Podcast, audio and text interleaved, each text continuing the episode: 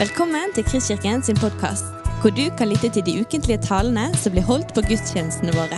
Vi håper denne podkasten vil inspirere og utfordre deg til å kjenne Gud, elske mennesker og tjene vår verden. Så jeg bare ber en kort bønn, og så er vi i gang. God himmelske Far, jeg takker for at ditt ord er levende. Jeg ber deg nå om at du må også levendegjøre det for oss den enkelte av oss. Først og fremst ditt ord som kom som barnet i krybben, som verdens lys. I denne juletiden og i denne adventstiden, men også de ordene vi leser nå, Herre. At du får puste liv på dem ved din ånd, og at du får plante det i våre hjerter, sånn at det slår rot og får gjøre det som du har satt det til, Herre. Takk, Herre, for at vi får leve innenfor ditt ansikt. Amen. Det var jo litt sånn fornøyelige Hvis du var her i begynnelsen, altså det, så var det litt sånn fornøyelige ord fra barnemunn som Håvard tok fram. og Jeg har ikke hørt liksom, at eh, et barn har sagt det, men det er jo det spørsmålet som av og til kommer opp. Hva skal du gjøre i himmelen? Har du tenkt på det noen gang?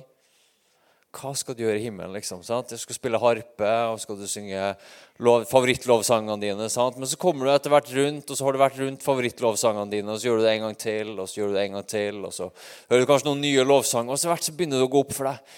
Ah, det blir kanskje litt Jeg tør kanskje ikke si det høyt, men det blir kanskje litt kjedelig. Og det blir kanskje litt lenge å sitte på en sånn sky og spille harpe og synge lovsanger. og så ja, jeg har tillit til Gud, altså at det der går bra. Men, men, eh, og alternativet er selvfølgelig mye verre. sant? Eh, men eh, det der er jo, Jeg sier ikke at du har et sånt bilde av himmelen, selvfølgelig, og, og sånn. Du er mye mer opplyst enn som så. Men det er jo litt sånne bilder som sniker seg inn i, i hva skal jeg si, underbevisstheten vår. Iallfall hvis du spør mannen på gata eller kvinnen på gata hva er himmelen, sant? så blir det sånn vagt og så videre. Men det er jo egentlig det kristne håpet.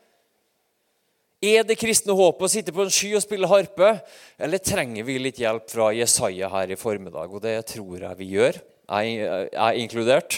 Så vi skal la Jesaja come to the rescue. Nå skal vi lese fra kapittel 65 og starte i vers 17. Du vet, Vi synger jo 'Alle, alle vil være med, vil være med til himmelen'. Men det, det kan vi fortsette gjøre, for det funker ikke så godt å synge 'Alle, alle vil være med' til ny himmel og ny jord. Ny himmel og ny jord. Men det er det Jesaja vil vi skal synge. Vi leser Se, jeg skaper en ny himmel og en ny jord. Ingen skal minnes de første ting, ingen skal tenke på dem. Gled og fryd dere til evig tid over det som jeg skaper. For se, jeg skaper Jerusalem om til fryd og folket der til glede. Jeg vil fryde meg over Jerusalem og glede meg over mitt folk. Aldri mer skal det høres gråt eller klageskrik i byen. Oi, oi, oi. Håvard hadde jo en uh, tekst fra Jesaja, Jesaja forrige, uh, forrige, søndag. Da var det eh, Jesus sin programtale der i synagogen i Nasaret om hvordan Herrens ånd er over meg og har salva meg til å forkynne et gledens budskap til frihet og helbredelse osv. Jesus kommer og bryter inn i vår verden med et nytt rike. Og her ser du hvordan det rike manifesterer seg. Det er jo litt sånn eh, Der vi starta advent nå. Men nå skal vi liksom flytte oss helt fram. Det henger sammen med advent, for det henger sammen med håp og det henger sammen med Guds hensikter. Men nå skal vi liksom flytte oss helt til endestasjonen, eh, der det starta. Eh, eller starta enda før det, men, men, du ser Jesus sin programtale der. Herrens ånd over meg. sant? Og så skal vi nå hoppe litt til til liksom avslutninga. Hvordan, hvordan, hvordan, går det til slutt? Hva er det som er vårt håp?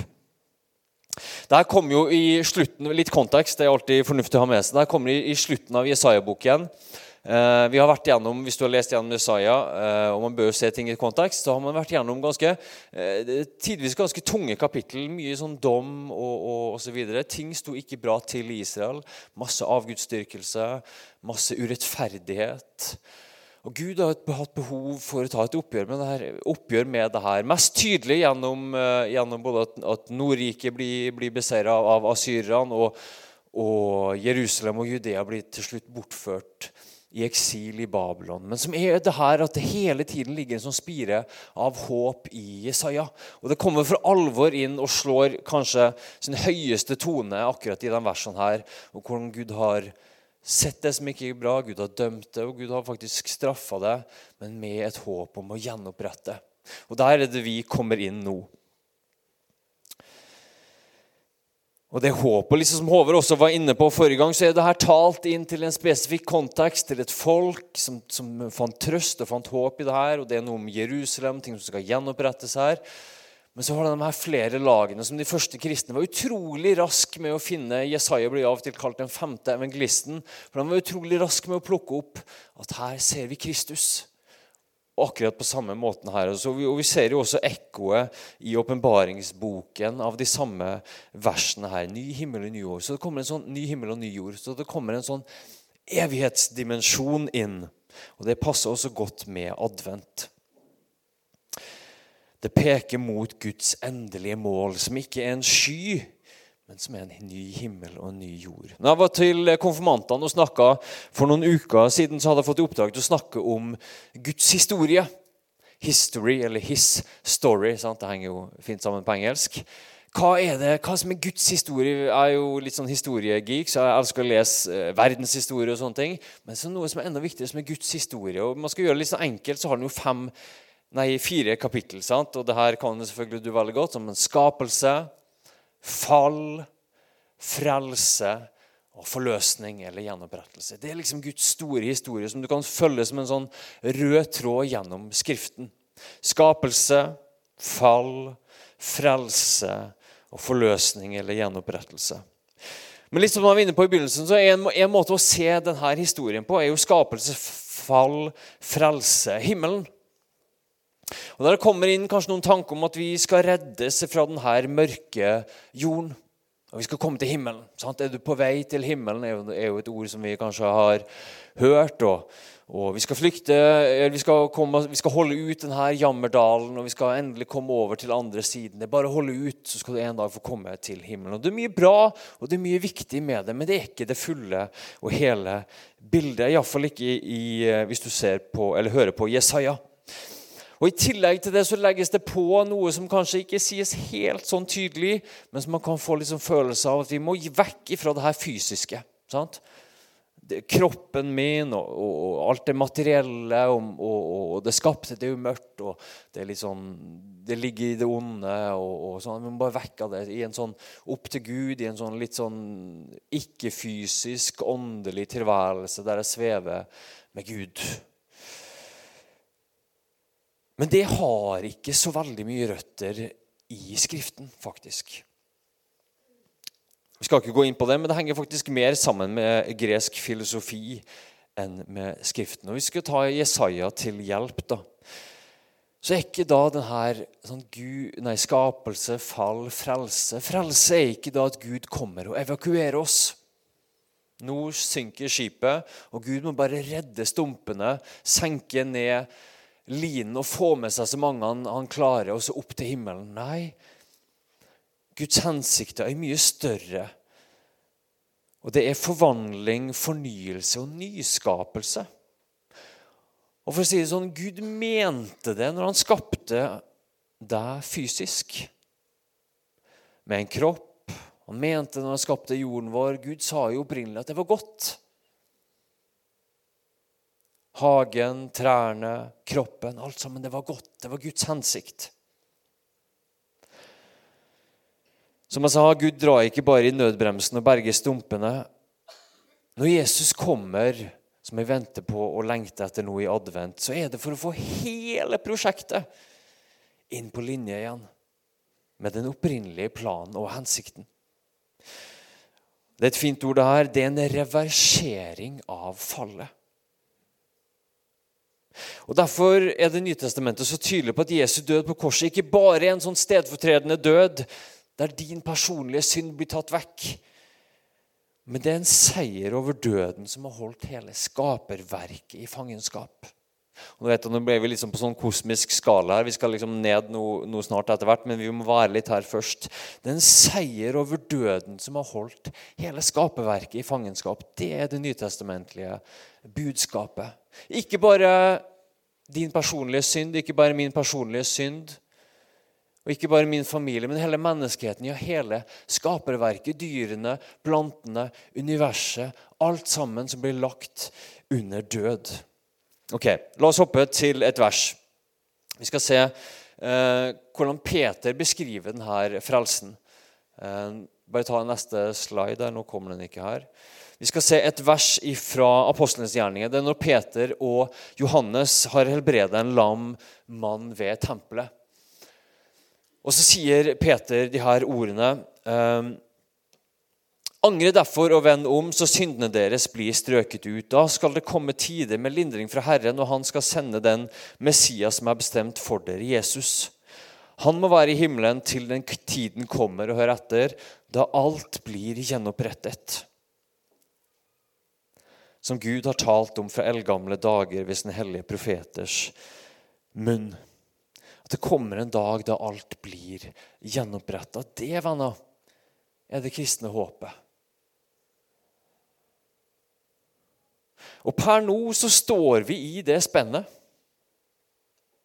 Kristus har kommet, men han skal komme igjen. Kristus kom og lot oss se og smake det nye livet ved, ved å ta imot Jesus nå og få, del, få del i Den hellige ånd, så erfarer vi noe av det livet her og nå av det som Bibelen kaller oppstandelseslivet, eller du kan kalle det livet på den andre siden, eller du kan kalle det livet i den neste tidsalder. Det som en gang skal komme og bli det som at, at Gud skal bli alt i alle, det kan jeg og du få en del i nå. Ved Den hellige ånd. Og så er det ikke bare jeg og du som lengte. Og igjen, vi må ta litt det her skapelsesperspektivet. Du, du, får holde, du får bære over med meg. Det blir litt teologi av og til fra talerstolen. sant? Men i Romerne 8 vi må ta med oss den også. Um, litt smått på skjermen der, men jeg leser det. Uh, jeg mener at det i Romerne 8 jeg mener at det vi må lide i den tiden som nå er, ikke kan regnes for noe mot den herligheten som en gang skal åpenbares og bli vår. Er det sant? Hørte dere hva han skrev? Jeg mener at det vi må lide i den tiden som nå er, ikke kan regnes for noe mot den herlighet som en gang skal åpenbares og bli vår. Altså Hvis du har lidd veldig lite i livet ditt, så er det nok enkelt å lese en sånn setning. Men hvis du har levd noen år, og det er det jo noen her som har, så har du smakt på hvordan livet egentlig er hvordan døden griper om seg. En ting, i våre liv og, og, og, og, våre omstendigheter, men vi får jo også hele verdensbildet inn i stua. Hvordan døden griper om seg, hvordan verden er så dypt, dypt urettferdig. Et barn som dør i mors mage. En venn som får en uhelbredelig sykdom. Rettferdige mennesker som rammes av tilfeldige dødsulykker. Barn som vokser opp uten noen forutsetninger for å verken høre evangeliet eller få en god oppvekst eller få mat på bordet. Verden er dypt urettferdig, men så sier Paulus at det vi, det vi, det vi må lide i den tiden som nå er, ikke kan regnes for noe mot den herligheten som en gang skal åpenbares og bli vår. Og vi leser videre. For det skapte, altså ikke bare menneskene, men hele skaperverket venter med lengsel på at Guds barn skal åpenbares i herlighet. Det skapte ble underlagt forgjengeligheten. Forgjengeligheten er jo sånn fint ord. Du kan egentlig si døden. Det skapte ble underlagt døden, ikke frivillig, men fordi han ville det slik. Likevel var det håp, for også det skapte skal bli frigjort fra slaveriet under døden og få den frihet som Guds barn skal eie i herligheten. Vi vet at helt til denne dag sukker sukker og stønner alt det skapte samstemt, som i fødselsrier. Ja, enda mer, også vi som har fått Ånden, den første frukt av høsten som kommer, altså en smak på det som kommer, sukker med oss selv og lengter etter å bli Guds barn fullt og helt. Når, og hør etter, ikke ånden vår eller sjelen vår eller det svevende, men når kroppen vår blir satt fri.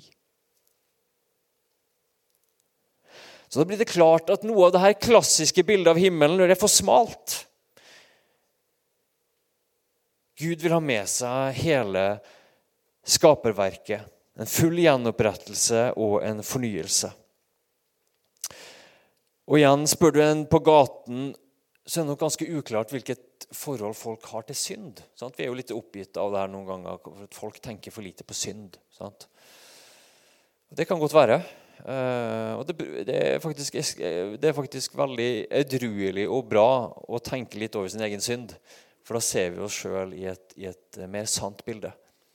Men likevel, hvis du spør ja, igjen den gjengse nordmannen hvilket forhold de har til synd, så er nok det ulikt. Men spør du hvilket forhold de har til døden,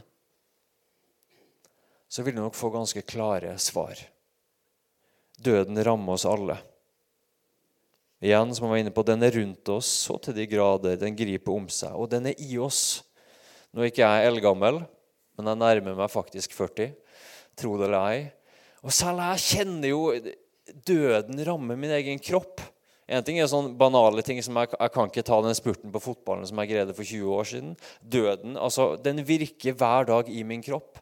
Men vi merker jo alle sammen om det er ufarlige ting som som eh, tiden på 60-meteren eller antall grå hår. Det er nå én ting. Men, men, kroppen vår også er et tegn på det. At døden innhenter oss. Alle sammen.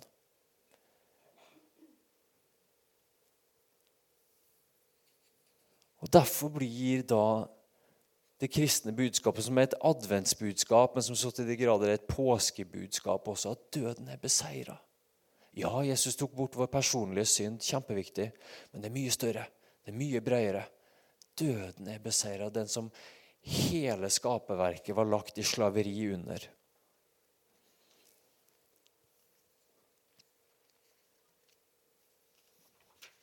Ok, Dere henger sånn noenlunde med seg. Det er bra. Vi skal, vi skal snart gå inn for landing.